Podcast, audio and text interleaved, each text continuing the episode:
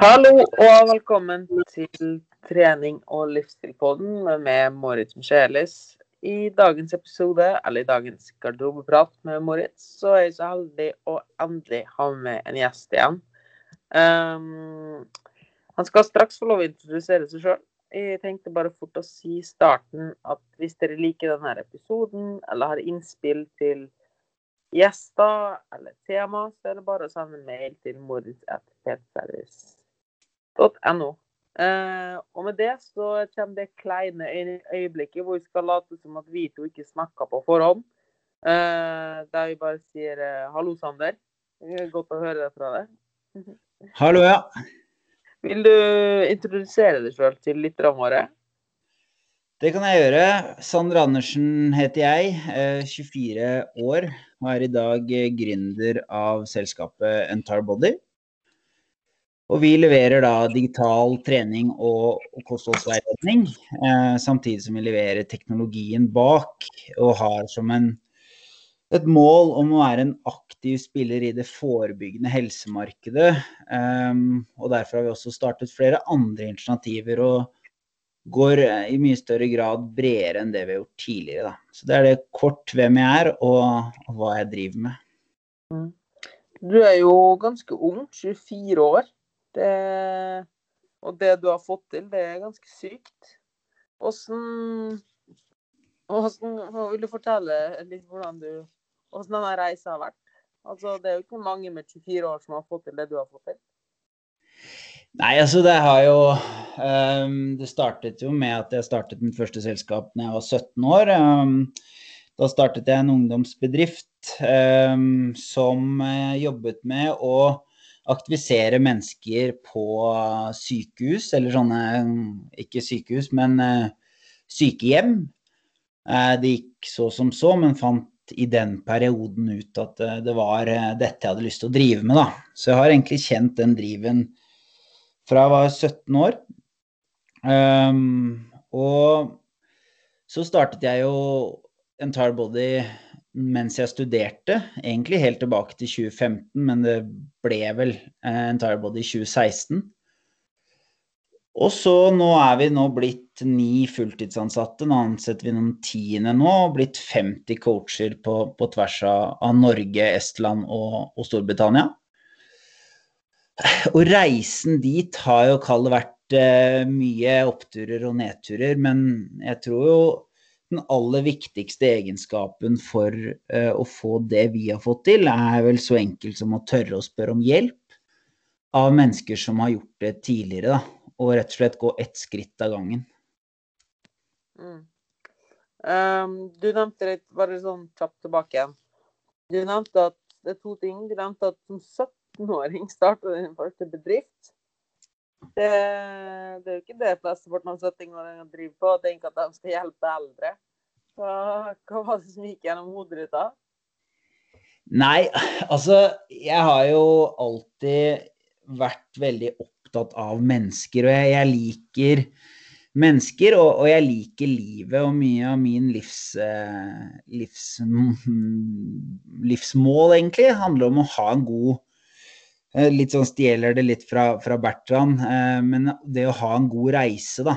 Altså det å få en god reise. Og derfor er jeg også veldig nysgjerrig på mennesker, og derfor syns jeg det var veldig interessant å, eh, å jobbe med eldre mennesker der du ser, kall det enden på livet, da. Jeg liker veldig å, å tenke på at livet en gang tar slutt. Det gir liksom at, meg mening for hva jeg burde gjøre i dag, da. Mm. Det var vel litt sånn nysgjerrighet, egentlig. Eh, og så er den andre delen av meg, da, som, som forstår um, utgifter og inntekter. Og det er et stort behov for på norske sykehjem um, og sånn å aktivisere de menneskene som er der, i mye mm. større grad enn det som blir gjort. Og jeg tror den ideen hadde funka i dag. Um, for jeg tror ikke det behovet er vekk. Absolutt ikke. ikke så, så, det var litt det der med en kombinasjon av å være nysgjerrig på mennesker og, og, rett og slett se en forretningsmodell som funker. da. Ikke sant? Det er høy betalingsvillighet i det segmentet med tanke på at det er voksne mennesker har gjort seg opp penger, og, og gjerne det er én part er blitt dement, så er det veldig høy motivasjon for den, kall det som er igjen, da, eh, til å passe på at den personen får et godt, eh, godt liv, selv om ting har blitt som det har blitt. Mm. Uh, du klarte på en eller annen måte å Altså, du har et veldig godt svar. Men det var Jeg prøvde liksom å si at Prøve å snike litt frem i det, for du er ganske Du er humble, er vel det engelske ordet. At du ikke kommer på norsk, herregud. Uh, ja, uansett. Det var, det var, vel kanskje litt frem til hva du drev med før du starta din første bedrift. For du har jo alltid Du har alltid vært litt vært gira på å få til mer, skulle jeg si. Og alltid vært litt på den siden av Litt sånn Jeg, kjenner meg veldig, jeg tror jeg kjenner meg veldig godt igjen i det, da. Um, du ja. har alltid ønska mer, og du har alltid gjort mer enn alle andre. Og du dreiv vel også med noe før du ble 17, skulle jeg si. det gjorde jeg. Jeg brukte stort sett hele min ungdomstid som eh, ja, hvis man skal skryte litt av seg sjøl, profesjonell svømmer, i hvert fall på juniornivå. Um, så jeg har uh, hatt uh, seks år vel på juniorlandslaget i svømming og avsluttet som nordisk juniormester der, så jeg har nok alltid hatt den derre iveren etter å, å gjøre noe, noe, mer enn folk flest. Hvis det var, den delen av min uh, før jeg ble ute etter. Så, ja, det var litt det var litt det jeg var ute etter. Men det sier vel kanskje litt om det som person, da. At du var det, Sa du seks? Nei, hvor, mange, hvor mye hadde du vunnet? Hvor mye hadde du vært med på? Nei, altså jeg, har, jeg er både norsk juniormester og eh, norsk, nordisk juniormester. Eh, med, med, jeg tror det er seks år på, på juniorlandslaget. Eh, ungdom i juniorlandslaget, da. Ja, og det sier litt om det som person, da.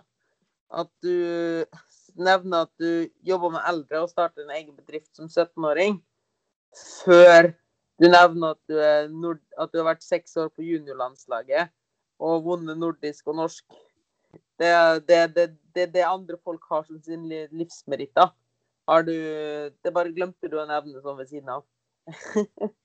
ja, nei, altså for meg så det, det, var en veldig spennende reise i livet mitt, og jeg lærte utrolig mye. Men ja, nei, jeg veit ikke. Det, det, har bare alltid vært en del av meg. Men det er liksom Det er ikke, det er ikke på en måte meg, da. Det var litt derfor jeg også valgte å slutte såpass tidlig. Altså, jeg sluttet jo på dagen jeg ble nordisk juniormester, og alle fortalte meg at det var et veldig dumt valg.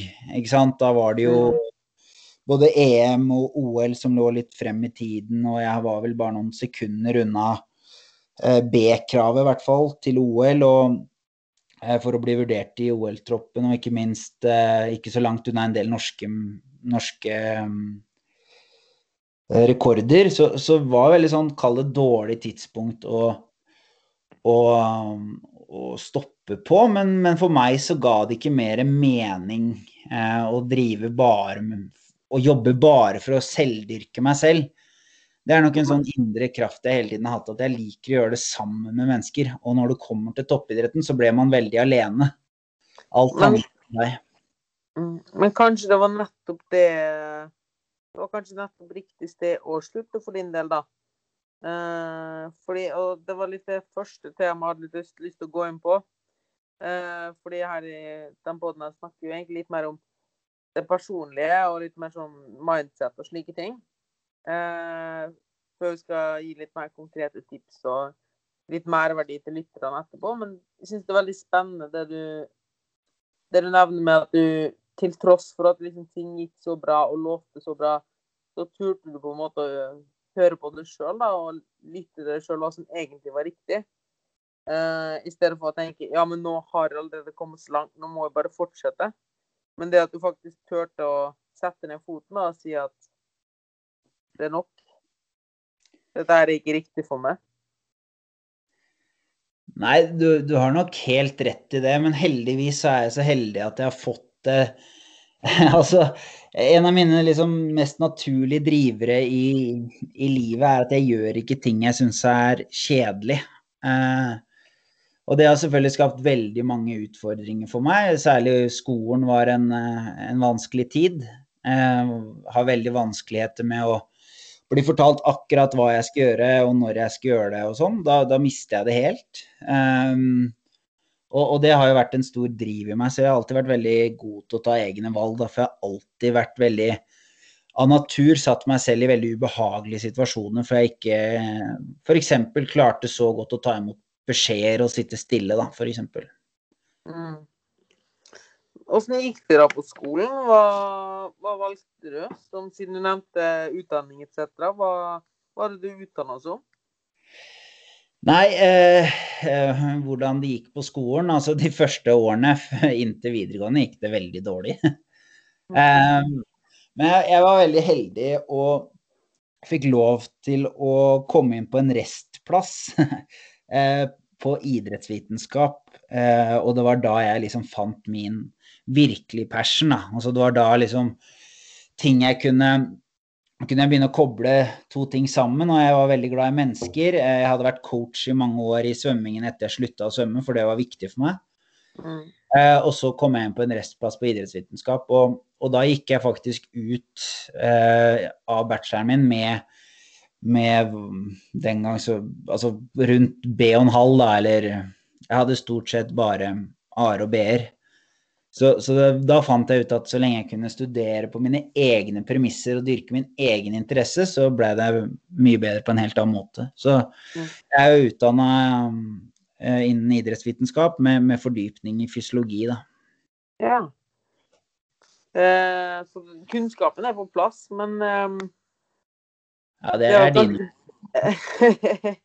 ja. Jeg tør å påstå at kunnskapen er på plass.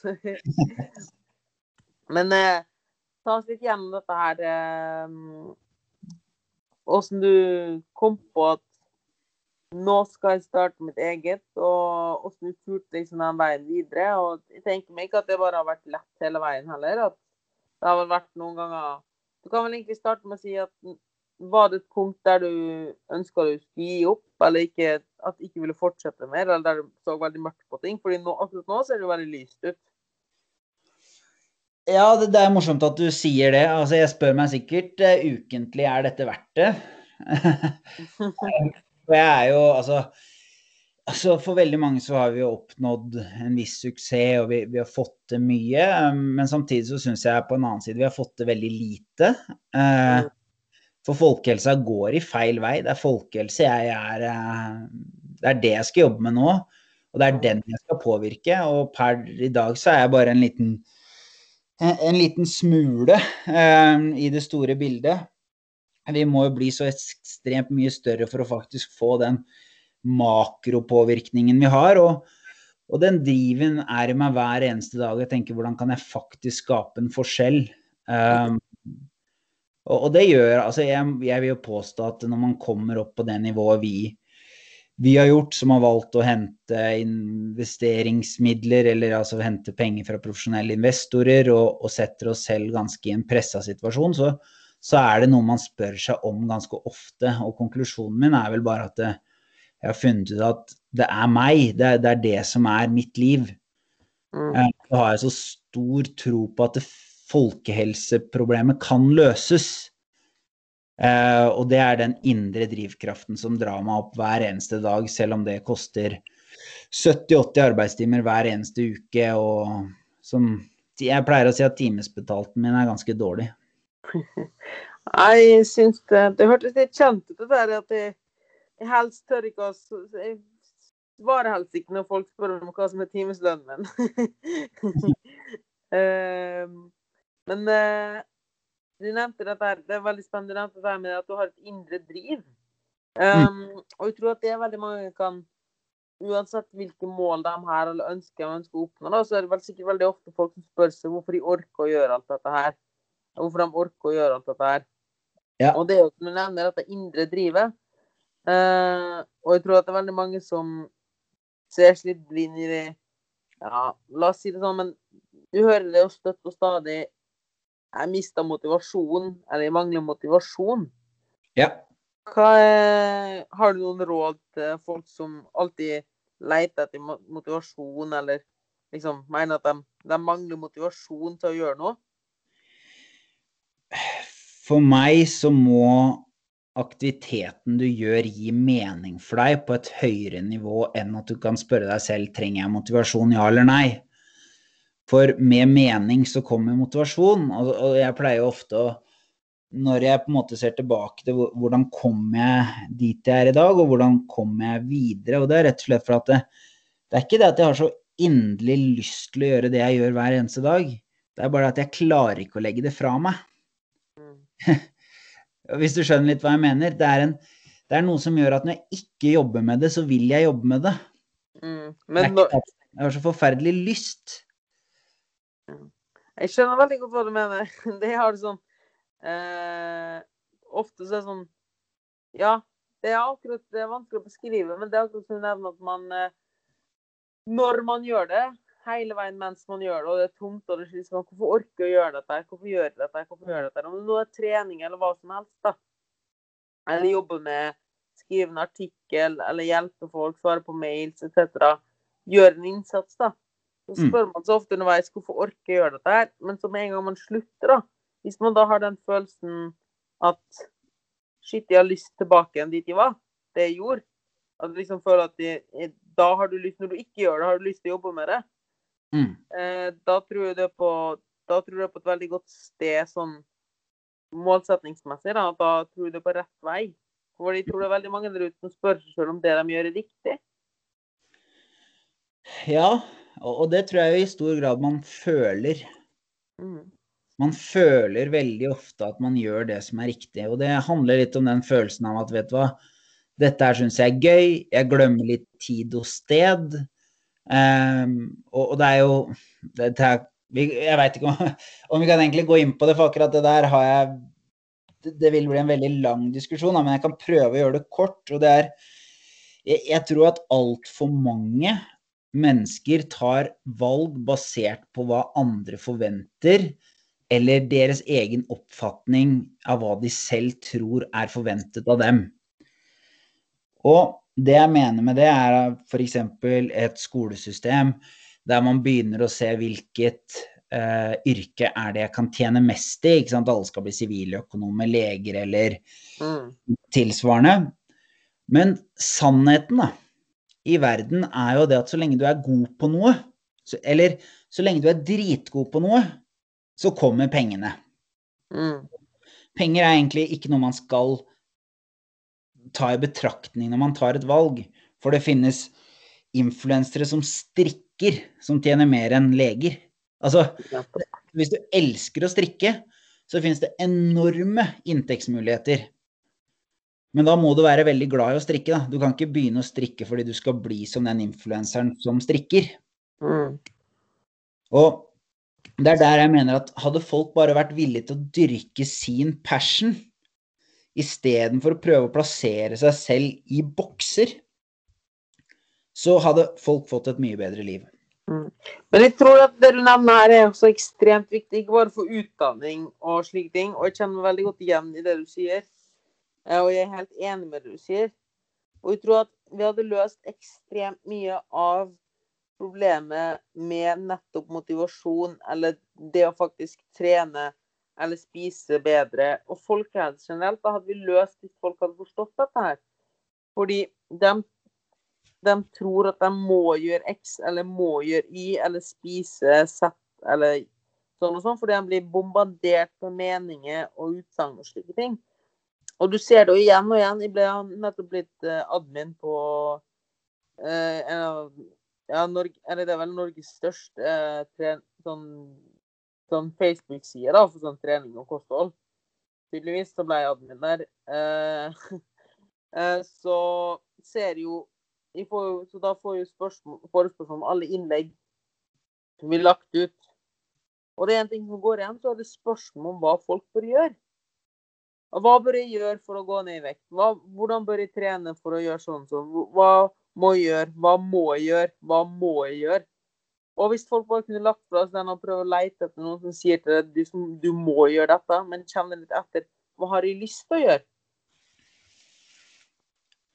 Men de, jeg tror de er redd for å gjøre noe feil, eller at det de gjør, ikke er riktig eller ikke blir akseptert. Mm. Eh, og det er jo selvfølgelig mange årsaker til at det oppstår. Det er jo fordi at veldig mange store markedskrefter eh, har jo funnet ut at det å selge den ene ultimate løsningen, eh, som ikke er ultimat og heller ikke den eneste, er mye bedre og lettere å selge enn en mer kompleks løsning. Mm. For vi mennesker vi er ganske dårlige på å ta rasjonelle valg, eller valg som er go godt gjennomtenkt. Eh, det må vi gjerne liksom lære litt. Og det er altså, kritisk tenkning er faktisk en ferdighet.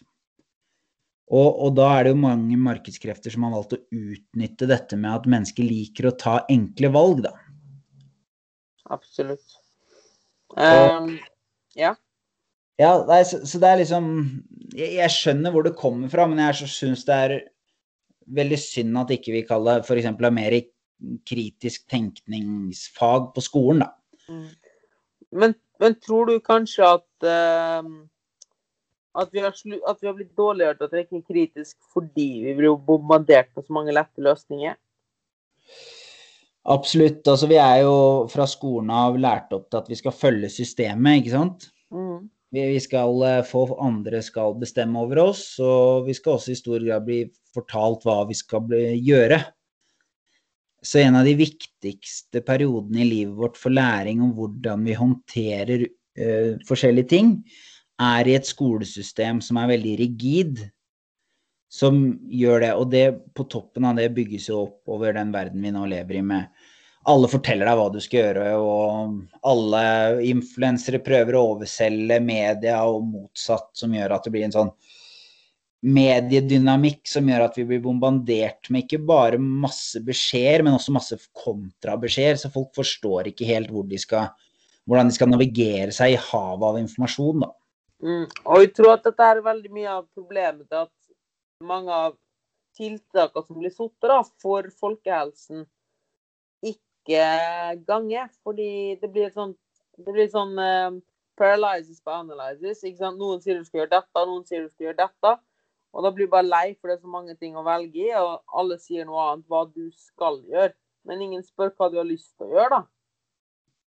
Med mindre du da får ordentlig oppfølging, eller personlig oppfølging. Og jeg tror at mye av det er grunnen til at uh, oh, Jo, at vi alltid har den At vi alltid blir fortalt hva vi skal gjøre, da gjør da at vi ikke tar eget ansvar for egne valg.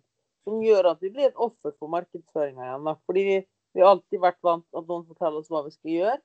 Og når vi da faktisk skal stå til rette for egne valg og faktisk stå til ansvar, da, om det nå er å faktisk ta seg en mosjonstur, eller om det er å oppsøke en personlig trener, eller si nei takk til den ekstra sjokoladen, eller si du, denne dietten er tåpelig, så er det noe vi ikke evner, eller veldig mange ikke evner, fordi den der eh, egenskapen om å ta ansvar, da, har forsvunnet litt. Fordi det som sier, du blir lært opp til å, å bare følge noe som noen sier. Men, men, jeg tror jo altså mye av dette her kommer jo av at man ikke legger de, de riktige rammene. Eh, for det f.eks. Hvordan kan du forvente at eh, når du hele tiden, veldig mange da, blir jo opp, av sin oppvekst er basert på at foreldrene de f.eks. gjør restriksjoner på at godteri f.eks. bare er lørdag kveld, og hus drikkes kun i helgene. Men du forstår aldri hvorfor. Du bare veit at på lørdag så kommer det noe som smaker utrolig digg. Og på toppen av det så får jeg noe som en, altså gjør det enda diggere, at jeg også får brus, f.eks. Hva skjer når du da får egen økonomi og frie valg? Når du ikke vet hvorfor, fordi foreldrene dine gjør det i utgangspunktet eh, med rette intensjonen. At du ikke du skal legge til deg usunne spisevaner, at du ikke skal på en måte ødelegge tennene dine med brus og alle disse typer tingene som foreldrene gjør med, med en god intensjon. Mm. Vi glemmer å fortelle hvorfor. Hvorfor har vi disse rammene? Mm. Og når ikke det blir kommunisert, så lærer jo vi bare at vet du hva, hver lørdag så får jeg noe jævlig digg. Og når jeg da får egen økonomi har muligheten til å gjøre digg hver eneste dag, hvorfor skal jeg ikke gjøre det? Mm. Det, det, er så morsomt du nevner dette, her, fordi jeg har, nettopp hatt en diskusjon med noen mødre som jeg driver, eller noen foreldre som jeg driver og har kostholdsveiledningen med, da. Da får jeg iblant spørsmål om hvordan de skal håndtere denne situasjonen med barn og slik, da. Og da måtte jeg reflektere litt over min egen barndom, hvorfor dette her aldri har vært et problem for min del. Og det er fordi vi har alltid Vi er jo tysk, er jo tysk, da. Eh, så vi har alltid hatt et svært lager med tysk sjokolade og godsaker i kjelleren. Helt tilgjengelig. Vi har alltid hatt egentlig stående godsaker oppe. altså Familien min er søtmomse alle mann. Så vi har alltid hatt noe, en boks med kjeks eller en, eller en Milka-sjokolade eller noe liggende i kjøleskapet. Uansett om det er helg eller ukedag eller noe sånt, så har det ingenting å si. Det har alltid ligget tilgjengelig. Og jeg har aldri hatt et problem og ingen i familien min har et problem med å si nei takk til sjokolade. Eller altså, vi har et veldig Altså, vi har ikke dette her Vi har aldri hatt dette her nå er det lørdag, nå skal vi kose oss. Ting er alltid tilgjengelig. Men det det at vi har den forståelsen på hvorfor vi kanskje Altså i som unge, da. For å komme med et eksempel. Så når de kom hjem fra skolen på ettermiddagene, eh, så var alt tilgjengelig hjemme. Altså, de kunne, ta, de kunne gå rett i sjokoladen og chipsen og sånne ting. Men fordi de hadde, men fordi jeg skulle på fotballtrening etterpå, og mamma og pappa hadde lært meg at, og viste, og jeg hadde jeg lært av egen feil også, at hvis de bare spiser sjokolade for fotballtrening, så får de vondt i magen, og de klarer ikke å prestere. Um, og da skjønte de ganske fort OK, men da hjelper det ikke at de bare spiser kjeks når de kommer hjem. Vi må spise et ordentlig måltid etter skolen, sånn at de kan være flinke på fotballtrening. Um, så det ble liksom ikke Jeg skjønte hvorfor jeg skulle spise, og hvorfor ikke spise noe annet. da. Og det var aldri snakk om at noe ikke var lov. Det var bare snakk om at det ikke var hensiktsmessig. Jeg tror det der, der er så utrolig viktig, og jeg tror folk eh, i stor grad ikke forstår viktigheten av å lære om mat på hva, det, hva årsaken er. For det er veldig lett som barn å, å kjenne på kroppen hvis du har dunka ned to sjokoladeplater. Det er egentlig den tiden man kan gjøre det. Å bli dritkvalm og få en dårlig opplevelse av en aktivitet i ettertid. Mm. Den lærdommen der, å ta med seg det inn i voksnes liv, det er eh, utrolig viktig, tror jeg, da.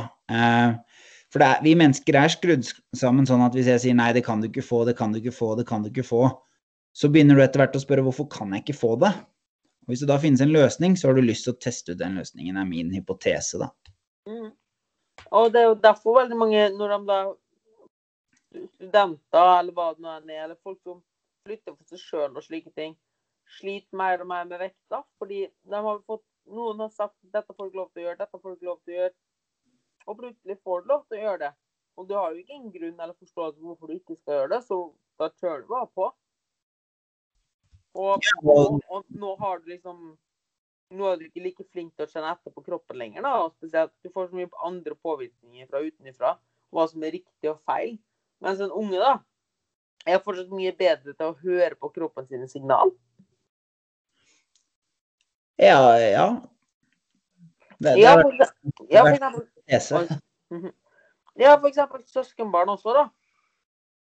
Som bare sier Altså, dem, onkel og tante, for eksempel, spør Vil dere ha is nå? Og så sier de iblant nei. Altså, de har rett og slett ikke lyst, lyst på is, for eksempel. Fordi det er, det er alltid is tilgjengelig i kjøleskapet. Og så er de ute og spiser eller et eller annet. Så nei, vet du hva, jeg vil ikke.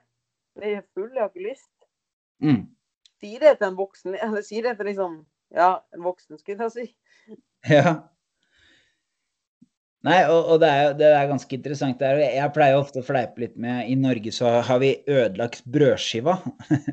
Ja. og det er rett og slett for at eh, hvis man spiser godt brød med pålegg, så er det helt sinnssykt digg. Mm. Men vi har jo hele oppveksten, eh, i hvert fall mange, vokst opp med å få liksom noen slitne, svette brødskiver i, i, eh, i, matpapir eller plastikkpose, så folk er jo møkk lei av brød. Mm. Eh, og det er litt samme eh, greia, da. At man liksom ja, man, Det man gjør ofte, får man mindre lyst på. Da, og da tror jeg blir man eksponert mer for, for godteri, så, så, får man også da mindre lyst på det. Mm. Eh, og det samme tror jeg det gjelder med, med at altså, Jeg tror alt kommer litt ned på det at ting må være litt mer lystbetont. At det hjelper ikke å tvinge ungene på en eller annen fysisk aktivitet de ikke har lyst på å gjøre. Å finne ut hva ungen har lyst til å gjøre. Det krever en god del innsats. Um, fordi hvis du bare alltid skal tvinge ungen til å gå på en eller annen aktivitet, så vil det være akkurat samme igjen. da. Når du da blir eldre, så vil du på trass ikke gjøre det. Og i verste fall, når du får barn da, så vil du tenke jeg skal aldri gjøre det samme mot mine barn som foreldre mine gjorde mot meg. Uh, ungen, og ungen må ikke gå på noe som helst fysisk aktivitet. Mm. Uh, og da blir det jo en ond sirkel. Men hvis man bare spør ungen hva de har lyst til å gjøre, og gir den den lille innsatsen Og, og det, det, krever jo mye av foreldrene å liksom tilrettelegge for at OK, da prøver vi turen, og hvis turen ikke funker, så prøver vi fotball. Og hvis det ikke funker, OK, la oss gå og leke litt sammen i parken. da, I en, en tuftepark eller noe. Kanskje det er det ungen har lyst til. Men det krever faktisk at, at man gir en innsats. da, finner, Lytte til ungen hva den har lyst til, og vise genuint interesse. For hvis foreldrene allerede er der at nei, vi skal bare ha godteri på lørdag, og dette er dette farlige, hellige greia, og foreldrene åh, vi må på trening, ja, åh, åh, jeg må, jeg må, jeg må, jeg må. Så vil jo ungene tenke Oi, men når de er voksen, så vil ikke Gordon tenke at de må alt mulig. Ja, jeg er helt enig. Men hva tror du at folk som hører på nå Har du noen konkrete tips eller råd hva folk kan gjøre for å kanskje forandre litt på dette her? Altså for eksempel nå Karianita på 40 år med to småbarn som lytter nå. Hva, hva kan hun gjøre for å få det bedre med seg sjøl og ungene sine? Ja, nå, nå, er jeg selvfølgelig ikke jeg noen foreldreekspert, men jeg kan jo snakke fra mine egne erfaringer. Altså, jeg er jo en som person som er veldig glad i å være i, i fysisk aktivitet, men kan fort liksom bli ganske lei av å gjøre det samme om og om igjen. Som vært litt inne på. Nå har jeg snart vært en måned, vel, på, på hytta. og det å knytte noe fysisk aktivitet til noe du har lyst til å gjøre og Her er jeg så heldig at jeg bare kan ta på meg skia, og så kan jeg gå ut eh, på ski. Og det gleder jeg meg til etter jeg har sittet stille inne på hytta i mange timer og jobba. Eh, og så får jeg lov til å gå ut på ski. Og så tar jeg meg selv i å tenke mens jeg går, skal jeg bare gå den korte mila, eller har jeg lyst til å faktisk gå på en lengre tur? Um, og i går så var det sånn, da begynte jeg å tråkke opp egne løyper, for jeg hadde lyst til å se hva som var på toppen av den toppen der, da. Altså, og da blir det veldig lystbetont. Jeg tror veldig det å ha fysisk aktivitet som er lystbetont, først og fremst. Finne en måte man kan aktivisere seg selv med enten venner eller barn eller sånt noe, gjør også at man får en høyere tilknytning til den aktiviteten man gjør, da. Mm. Og, og, det har jo resultert i at til vanlig så trener jeg kanskje fire, fire til fem timer i uka. Nå ligger jeg kanskje på 10-12, kanskje til og med ja, kanskje 14. Uten at jeg opplever det som mer stress, kanskje heller tvert imot, da. Fordi at jeg liker å gå på ski, og jeg liker å oppleve naturen og de tingene der. Så, så det å finne en aktivitet man virkelig har lyst til å gjøre. Altså, jeg tar meg selv og sitter og tenker at nå gleder jeg meg til å gå ut og gå på ski. Det tror jeg er liksom essensen da, i fysisk aktivitet. Men, men, men Sanne, det er jo ikke det mest optimale for muskelvekst. Nei, eh, det er det ikke. Men eh, man, man skal Hvis man tar Altså måten å hvis man går og tråkker opp egne løyper på, på ski, da, og har jevnlig styrketrening, så, så, skal du ikke se bort ifra at du faktisk blir sterkere enn den personen som trener sporadisk optimal styrketrening fire av tolv måneder i året. Og mm. resten mm. gidder han ikke. Så det har dette med kontinuitet i å gjøre det også, men jeg, altså, Men for meg så Jeg driter i muskelveksten. Det er så mange andre ting i livet jeg Jeg liker Selv om jeg har noen sånne sære ting, jeg også. Jeg er sånn eh, Jeg kan aldri stoppe å trene styrke hvis ikke jeg benker 100 eller har 150 i bøy og mark. Men det, det kommer litt fra ungdomstiden, da. At jeg vil, jeg vil ikke tape muskelmassen. Nei. Det var egentlig bare det jeg ville litt frem til, var det du sa at folk setter optimale fremfor, uh, fremfor trivsel. da, Og tenker over at ja, dette er optimalt, men hva hjelper det om du bare gjør det to måneder? Uh, og det var litt det jeg ville inn på. Jeg tror der kan du sikkert fortelle litt om bedriften din, egentlig, da, Lentire Body. At du har sikkert tatt noen valg opp igjennom der du tenker at her og nå så hadde det vært optimalt å gjøre det på denne her måten. Men du måtte spørre deg sjøl men er dette her bærekraftig på sikt. Vi har jo nå i den eh, perioden vi er inne i nå, så holder vi på å, å leke litt med tanken om å endre litt slagord. Og, og det slagordet er det neste skrittet, eller the next step. Og Det handler litt om å ha en filosofi der du må ta utgangspunkt i der du er i dag, og hvor er neste skritt. Og så si at man skal løpe så fort man kan, så hjelper det veldig sjeldent å løpe ti skritt så fort du kan, og så hopper du så langt du klarer. Og så løper du ti igjen. Ikke sant? Så det handler det å ta de store skrittene hele tiden er veldig vanskelig i forhold til å klare å opprettholde moment. Ikke sant? Mm. Så hvis det er ett skritt og du hopper, så kommer du lengst. Mm. Hvis vi fortsetter det i 100 meter, så vinner jeg. Mm. Du blir dritsliten av å hoppe hoppe hoppe, hoppe hele tiden.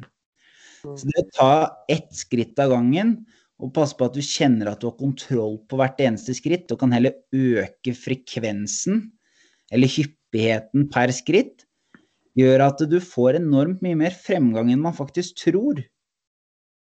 Um, og det er jo det vi i Endurable er veldig opptatt av, er jo dette med å gjøre en livsstilsforbedring. Altså, hva er det neste du kan gjøre for at livet ditt skal bli litt bedre? Og så sier vi ja, men hva har trening og kosthold med livet å gjøre?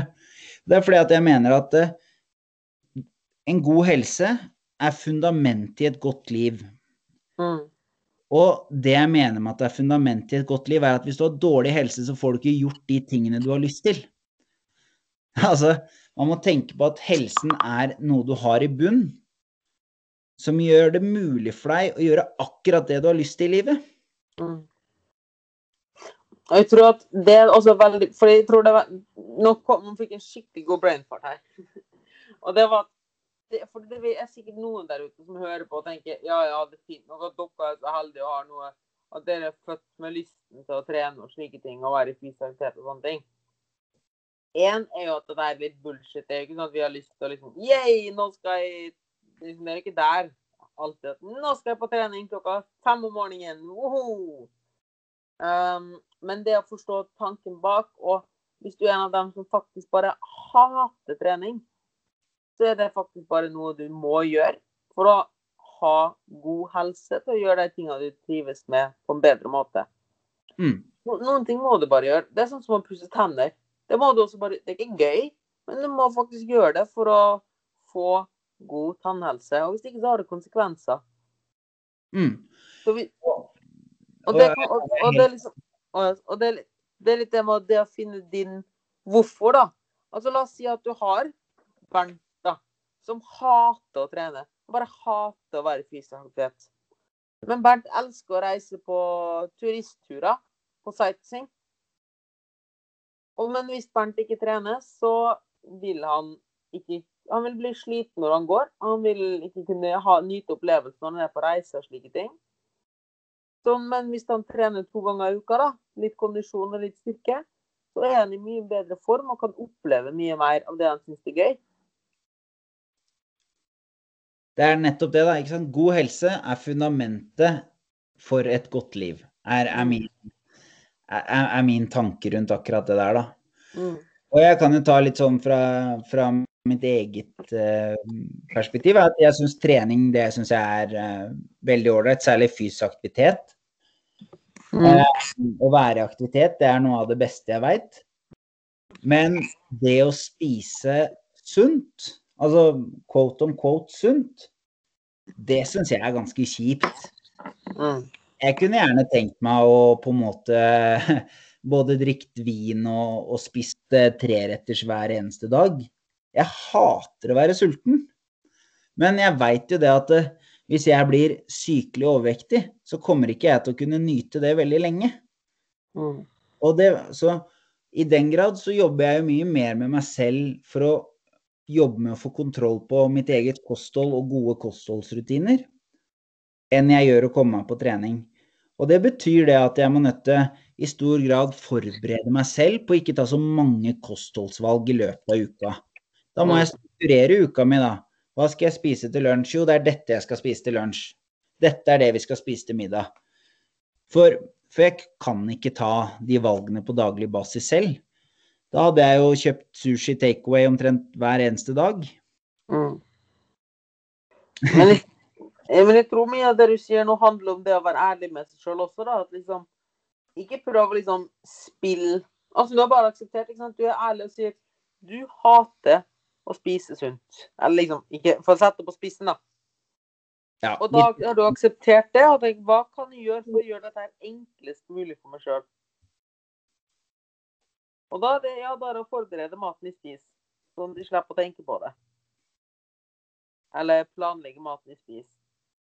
Men hvis du alltid går ut og tenker og liksom spiller på et eller annet sånn, Nei, jeg, jeg elsker trening. Jeg syns det er kjempegøy å løpe. Men egentlig så gjør du det ikke. Så blir det sånn hvem er det vi prøver å lure her? For du kunne jo også sagt liksom Nei, nei, men fra i morgen så skal jeg bli en sunn og ny Sander. Jeg skal kun spise brokkoli, og jeg elsker det. Men istedenfor så aksepterer du at nei, dette er faktisk noe jeg ikke syns er greit, men du må faktisk gjøre det. Så da får du gjøre det på enklest mulig måte. Ja, og så må man knytte det opp til ting som gir mening, ikke sant. For meg så er det sånn herre Jeg vil i stor grad alltid dru drukket Pepsi Max over vann. Mm. Eh, og jeg syns kaffe er sykt digg.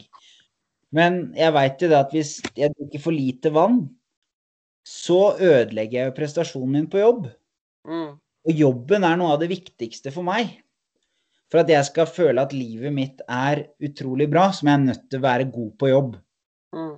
Jeg ønsker å identifisere meg selv til en som presterer utrolig godt på jobb. Og da begynner jeg nå å se det at jeg begynner å få et mønster der jeg tar kostholdsvalg basert på hvordan jeg presterer på jobb. Og da er jeg ikke så opptatt av om den maten er det beste jeg veit. Jeg veit jo det at hvis jeg skal opp klokka ha morgenmøte med teamet klokka sju, så kan ikke jeg drikke en flaske rødvin på kvelden. Mm. Ikke sant? Da er jeg grumsete. Og da presterer jeg ikke optimalt. Så det å knytte det til seg, da, så det er derfor jeg er så opptatt av at de tingene du gjør, må også gi mening. Du kan knytte ting til en følelse som gjør at det gir mening for deg i mye større grad, og da kommer også motivasjon. Mm. Og jeg tror det er der vi to begge er ekstremt like i filosofien, da. Eh, og hvorfor vi er imot f.eks. sånne A4 kostholdsplaner, og hvorfor du har bygd en hel fuckings business basert på personlig oppfølging. Eh, det er jo det der at alle kan gå på Google. For det er jo ikke mangel på kunnskap, det er jo mangel på forståelse og personlig individualisering. Fordi det finnes ikke den, den, den, den planen på internett som forklarer Bernt hvorfor han skal ta fem ganger fem i knebøy. Den finnes ikke.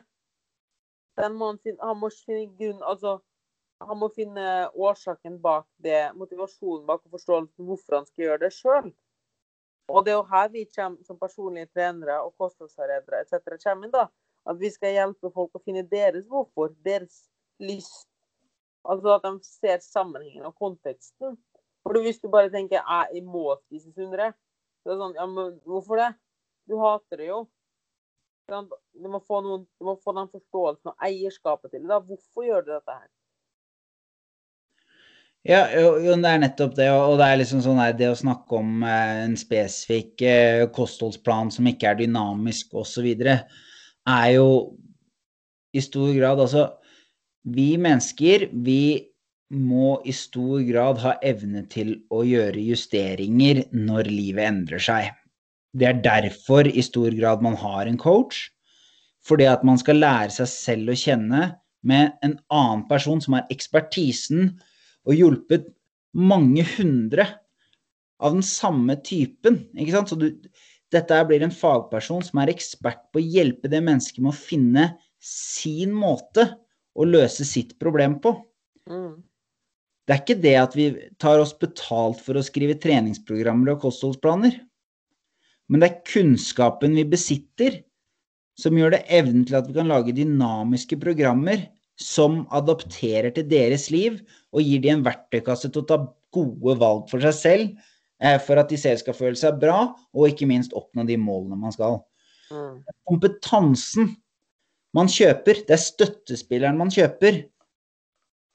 Mm. Fordi det er ikke det hvem som kan mest, og sånne ting for å si, men det er hvor om den personen passer til mennesket, og hva, hvor erfaringen personen har, og evnen personen, coachen, har da, til å liksom se mønster og hjelpe.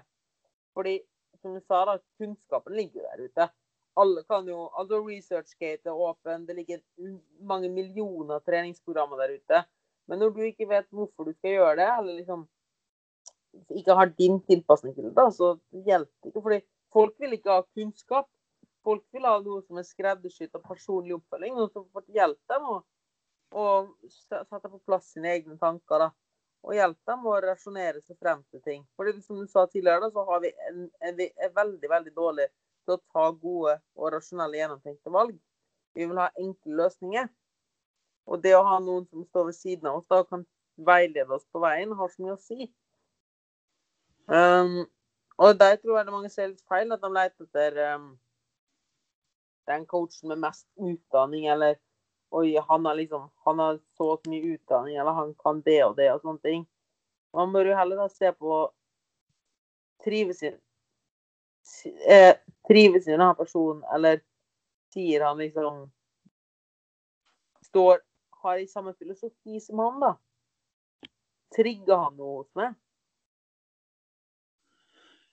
Det handler om de coachene som klarer å se individet for det individet er, og deretter lager programmene, er de beste coachene istedenfor at de coachene som går på PubMed og leser om hvor mange sett som er optimalt. Og jeg sier altså alt, alt, Alle disse tingene har en plass i sitt økosystem. Vi, vi, trenger alle. Vi trenger mange flere coacher.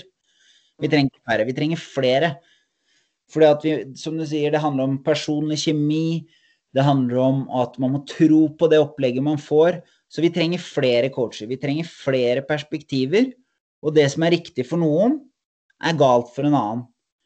Og Derfor trenger vi også flere coacher, for jeg mener at coacher i mye større grad skulle vært flinkere til å spesialisere seg. Hva er det jeg er god på? Hvem er det jeg hjelper? Mm. Altfor mange PT sier at de kan hjelpe alle, og det har jeg veldig liten tro på, i hvert fall langsiktig, når dette markedet modnes. Absolutt. Og det er også noe jeg sakte, men sikkert merker.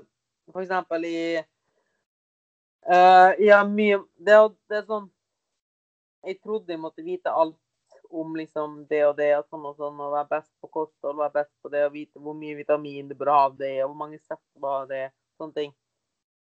Og helt ærlig jeg bryr meg langt faen om noen tar 150 benkpress eller 130 benkpress. Selvfølgelig er det en stor prestasjon. Og jeg, kan gjerne, har kunnskapen i bunnen til å programmere styrkeprogram etc. og liksom powerlifting-program og sånne ting. Og sette opp sett og reps og slike ting. Men det er ikke det jeg er best på.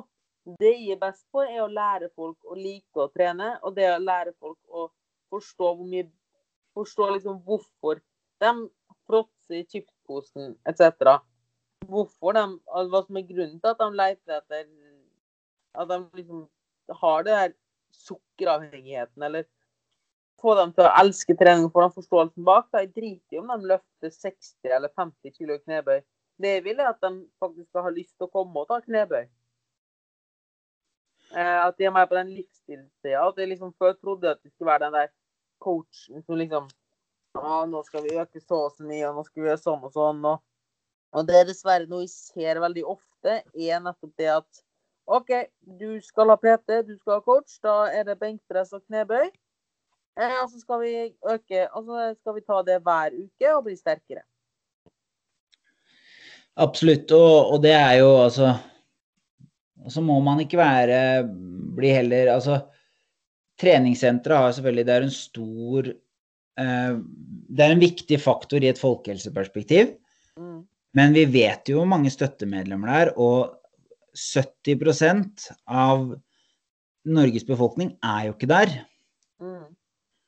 Um, og så er spørsmålet hvor mange prosent er det. Så vi må jo også begynne å være mer åpne og flinkere til å bruke andre aktiviseringsformer, tror jeg, da. Absolutt. Jeg tror vi trenger flere coacher. Jeg tror vi, altså Treningssentercoacher er supert, de trenger vi. Det er stort marked og stort potensial. Men vi trenger også de menneskene som evner å tenke OK, hvordan får vi folk til å bli mer glad i å gå tur eller løpe eller gå randonee eller andre typer ting da, som også er viktig? Du tenker litt mer utenfor boksen. Og det er altså for folk som hører på som vurderer å komme i form. Du må ikke starte på treningssenter. Eh, på ingen som helst måte. Jeg tror at 50 av kundene mine de har på noe inne et program som heter Varig endring. Eh, og det eneste de betaler meg for, er at de kommer inn på treningssenteret, får en god kopp kaffe, og så setter vi oss ned og prater og lager strategier og finner ut hva de kan gjerne hjelpe med å lage treningsprogram, men primært snakker vi om hva du har lyst til å gjøre, hvordan kan vi jobbe videre neste uke for å gjøre at du kommer i mål og får det bedre med deg sjøl. Det kan være at noen går på randonee, som du sier, eller spiller fotball eller slike ting. Og ikke at de, tar, at de må komme inn og løfte vekter. For eksempel. Fordi vi har klart oss kjempelenge uten det, og det er et veldig fint Det er selvfølgelig noen som liker det, og det er et veldig bra tilbud. Og for å komme tilbake til den tannbørsteanalogien, for noen som bare ikke har noe og de trives med å gjøre, og bare gjør det for de må, så er det et ekstremt fint redskap å ha. Uh, men det er absolutt ikke en nødvendighet.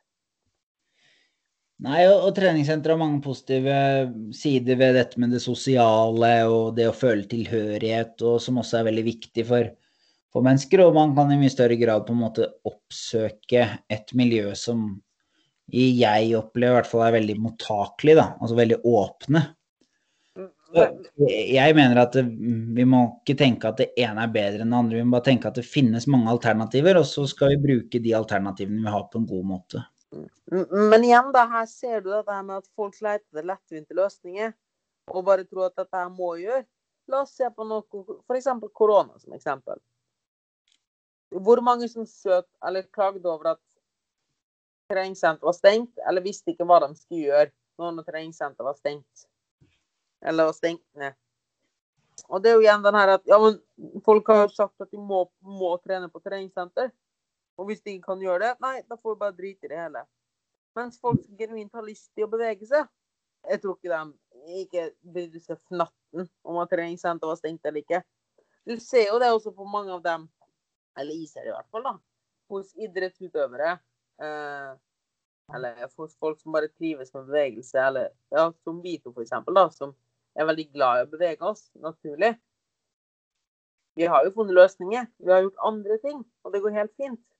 Men hvis man bare gjør et eller annet man tror man må, eh, så er det veldig lett å da Og det er jo egentlig det alt boils down til, skal jeg si, altså koke ned til, er jo det at gjør noe du faktisk finner en unnskyldning for å Altså gjør det du må finne unnskyldninger for å få mer tid til å gjøre mer av, i stedet for å gjøre et eller annet du prøver å finne unnskyldninger for for å ikke gjøre mer. Ja, og der er du inne på noe som er viktig. Altså man skal ha, i mye større grad ha fokus på hva man allerede gjør i dag som man kan gjøre mer av, istedenfor å finne ut av hva man gjør i dag som man skal kutte ut. Mm. Um, det kan være OK, jeg liker å gå tur. Ja, men ok, men sett Lag noen gåturer når du veit du spiser mest, da. Eller når godteri frister mest, for man veit det er veldig vanlig. Det er ikke så mange som har med seg smågodtposen på gåtur. Det er veldig Så, så det å f.eks. avtale da, med en venn eller venninne at OK, men eh, skal vi gå en tur eh, på fredag klokka åtte? Det er lov, det òg. Ikke sant? Man liker det og kan være sosial og, og få en vanvittig fin samtale i gåturen, ikke sant? Og skape minner på den måten, istedenfor at det blir Nytt på nytt og, og chips og cola og smågodt, da. Mm. Det er litt det her liksom Og det å bryte ut av normer og tenke at ja, men sånn har vi jo alltid gjort det, så da må vi jo fortsette å gjøre det sånn. Så vi har alltid spist lørdag Nei, vi har alltid spist godteri på lørdager. Så da må vi jo fortsette å gjøre det. Nei, det må ikke det. Altså, det går helt fint å ta seg. Hvis du har mer lyst på å spise godteri på tirsdag, så gjør nå det, men ta konsekvensene av det. Og kanskje, kanskje det er faktisk rett når du da faktisk tør å lytte til deg sjøl, da. Så det kanskje opp med at i stedet for at du trykker ned to Freia melkesjokolade på lørdagen og tre pils og en Grandiosa, og du da siden tirsdag gått og gledet deg til den lørdagen, Mm. så er det kanskje, tar du da kanskje en pils, en halv sjokolade og en halv pizza og er fornøyd. Mm. I stedet for å tenke at nei, jeg må vente og holde igjen. Og jeg tror at hvis folk bare hadde litt flinkere til å faktisk vite hva har jeg lyst til å gjøre, når jeg har lyst til å gjøre det, så hadde det vært mye vært løst. Absolutt. Og det samme ser man i ferier, ikke sant. Vi går og gleder oss superlenge til påskeferien som nå kommer, ikke sant. Og da er det masse alkohol og masse mat, og da sklir vi fullstendig ut. Mm. Så for mange så er det nok sunt og sånn, men jeg tror at det å mengderegulere er, er utrolig viktig hele året. For det er jo de gjerne feriekiloene vi ikke klarer å ta, av. For vi innser at det livet, det er eh, Det er jo akkurat det samme når vi kommer tilbake. Mm. Det er hver evig, og det er så tragisk da, at alle skal ha et evig jag eller at annet prøve å begrense det. Jeg skal bare, jeg skal bare, jeg skal bare. Og en av de største fokusene jeg har, da, og det er kanskje derfor det er ja, coach, alle coach, jeg coacher er noe som heter Team Awesome, da. Eh, og det er egentlig rett og slett fordi jeg har, min filosofi er at du skal egentlig trives hver, altså Selvfølgelig må du gjøre ting du orker, som å orke og slike ting. Men veien du setter sjøl for å nå målene dine, bør være sånn at du står opp hver dag og kunne levd en slik dag hver dag resten av livet ditt fordi du trives. Fordi når du trives, så har du ikke noe behov for å liksom overkompensere. Eller du har ikke noe behov for å skynde deg i mål. Eller at du må gjøre et eller annet. Og når du da må ta harde tak, så har du mye mer overskudd til å gjøre det, fordi du trives hver dag. I stedet for å gå Hvorfor skal vi kaste bort så mye tid på å vente på et eller annet? Det er jo så typisk det der weekend warrior. Altså folk som er sykt flinke i ukedagene for å gå på en smell i helga. Støtt og stadig. Det er jo fem dager av livet. Eller folk som har en jobb de hater. Det er sånn Fem dager i uka så gjør du så er du dritt mot deg sjøl og gjør ting du ikke liker. Bare for å ha to dager med der du tar totalt faen igjen. Og kanskje en av de dagene går på at du synes synd på deg sjøl. Mm. Og folk begrenser seg sjøl. Det, det er jo det det går igjen igjen nå i dag. Det er jo det at folk begrenser seg sjøl fordi de tror det er ting de må gjøre. For å ta igjen alt igjen allikevel, ikke sant? Ja. ja. Og gjerne litt mer. Yes. Så helt til slutt, eh, Sander. Nå snakket, nå gikk samtalen litt annerledes enn det jeg hadde tenkt. Men det var egentlig bare fint, syns de. Um, jeg, ville, jeg har to spørsmål til slutt. Det ene er at hvilke grep, hvis det er noen tips du kunne gitt folk der ute, eller hvis du hadde vært statsminister og gjort, eh, gjort noe for folkehelsen, da. Hva hadde du gjort da? Oi. Um, hvis jeg hadde Altså, hvilke folkehelsetiltak jeg hadde gjort Jeg hadde blant annet Jeg hadde lagd et um, påbud om at alle selskaper har ehm, et ansvar til å følge opp de ansattes helse. Og med det tilrettelegge for eh, dynamiske arbeidshverdager, fleksible arbeidshverdager, som gjør det enklere for mennesker å få livet sitt til å gå opp, eh, sånn at de også kan få mer tid til å ta vare på seg selv. Ja, det var fint. Åssen eh, skulle det sett ut da? Hadde det vært det at alle hadde hatt type måling eller et eller annet sånt? Eller, at- eller at det var spørreskjema, eller Nei, jeg ville jo, altså i utgangspunktet så handler det i stor grad om at jobben må bli mer fleksibel. Altså dette med åtte til fire er jo bare tull. mm. Eh, Det er bare noen som har bestemt at det er enkelt å holde styr på folk da. Ehm, så det handler det om at man i stor grad kunne kommet mer dynamisk på jobb. Mm. At hvis man er et morgenmenneske og liker å komme på tre og, og sånn, så kan man eh, få lov til å starte klokka ti. Så Mm. rekker man å trene på forhånd, eh, eller motsatt. Starte klokka fem, komme tidlig hjem og være med barna sine på en helt annen måte. Og så Mm. må bedriftene også i stor grad måle tilfredsheten. Altså hvordan har du det, tror jeg er et spørsmål vi stiller for sjeldent. Eh, som i stor grad bedriften må være med å påvirke, da. Mm. Det er så morsomt, for det, det ender jo igjen opp i det vi snakka om, med at folk må liksom ta eget ansvar og gjøre det de har lyst til. Da. Og hvis du har den da, friheten på jobben og kan velge sjøl når du vil jobbe, så vil du nok mest sannsynligvis gjøre en mye bedre og produktiv jobb. Fordi du gjør det ikke på trass, du gjør det for genuin interesse. Og du vet at hvis du gjør en god jobb, hvis du er den personen da som står opp klokka fem for å jobbe for å sove med barn etterpå, eh, så vet du at OK, jeg jobber, jeg står opp tidlig nå og jobber hardt nå for å kunne være med barna mine etterpå. Derfor skal jeg gjøre en god jobb nå. Så vil Ja. den personen sannsynligvis stå opp og jobbe mye bedre. Ja, og det er jo, selv om det er en annen diskusjon, så, så er jeg veldig for at mennesker skal bli belønna for effekten av jobben de gjør, og ikke hvor mange timer de er på jobb. Jeg mener den derre times, timer på jobb har veldig lite å si Mm, eh, hvis eh, produksjonen er lav. absolutt. Nei, så igjen, da, så egentlig bare legge opp til mer personlig frihet, da. Egentlig kanskje det det. Folk, det er kanskje det som har vært det beste en av de beste helsetiltakene, da.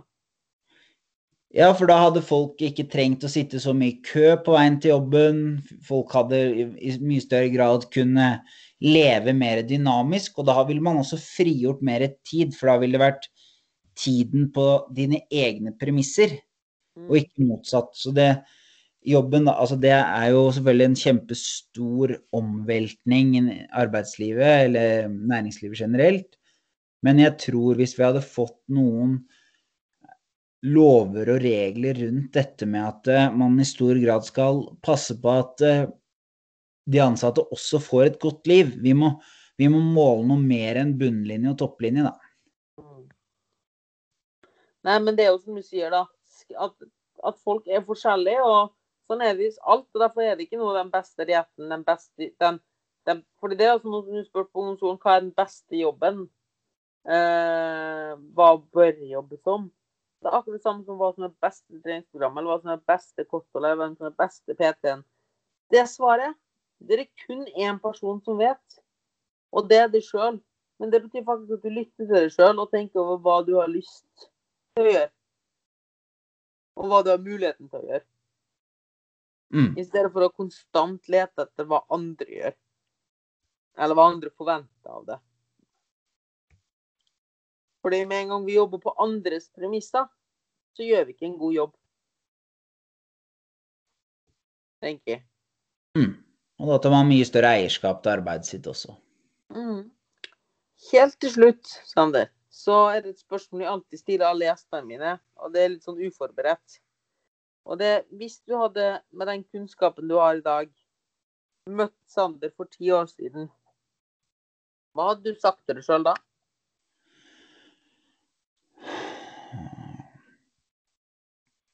For ti år siden. um, nei Les mer og prat og vær enda mer nysgjerrig enn det du har vært. Jeg, jeg er veldig stor fan av ehm, det som er sånn lifelong learners, da. Mm. Og, og være åpne for nye perspektiver og ikke bli blind på kultur, eh, forventninger og rammer som allerede er satt. Ja, fint svar. Det var de hadde egentlig å si om det. Hva å spørre om? Hvis folk vil komme i kontakt med det eller Entire Body, hvor, er, hvor kan de finne det? Og hvor vil du skal Hvor vil du henvise folk? Nei, altså det er jo for min del så er vel eh, min flate Sander Andersen på LinkedIn eller Sander Andersen på Instagram. Um, eller sander at entirebody.com. Og for å få mer informasjon om oss i Entirebody, så er det jo entirebody.com eh, som er plassen å gå, da.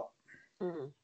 Jeg kommer til å linke til eh, i hvert fall Entirebody i shownotene, så da er det bare å klikke rett på. Det er vel kanskje det beste, og så finner de alt de trenger videre derifra, eller? Ja, det er bare å gjøre. Mm. Eh, og så kan jeg også legge inn din mail, da. Din Entire Body-mail i shownotene. Så hvis dere vil komme i kontakt med Sander eller ha spørsmål til Sander, så finner dere alt dere trenger i shownotene. Og med det så er det en som står igjen og sier tusen takk for at du lytta, du som lytter, og tusen takk for at du ville komme, Sander. Takk for at jeg fikk komme. Jo, og hvis det er noen der ute som ønsker å komme i kontakt med meg eller Sander, så er det bare å sende mail til sander at entirebody.com, ikke sant? Yes. Ja, eller moritz at ptservice.no. Og med det så står det bare igjen å si gå og ha en awesome dag. Ha det bra. Hvorfor stoppa recordingen nå. Ah. Ja, ja, nå får de med dette her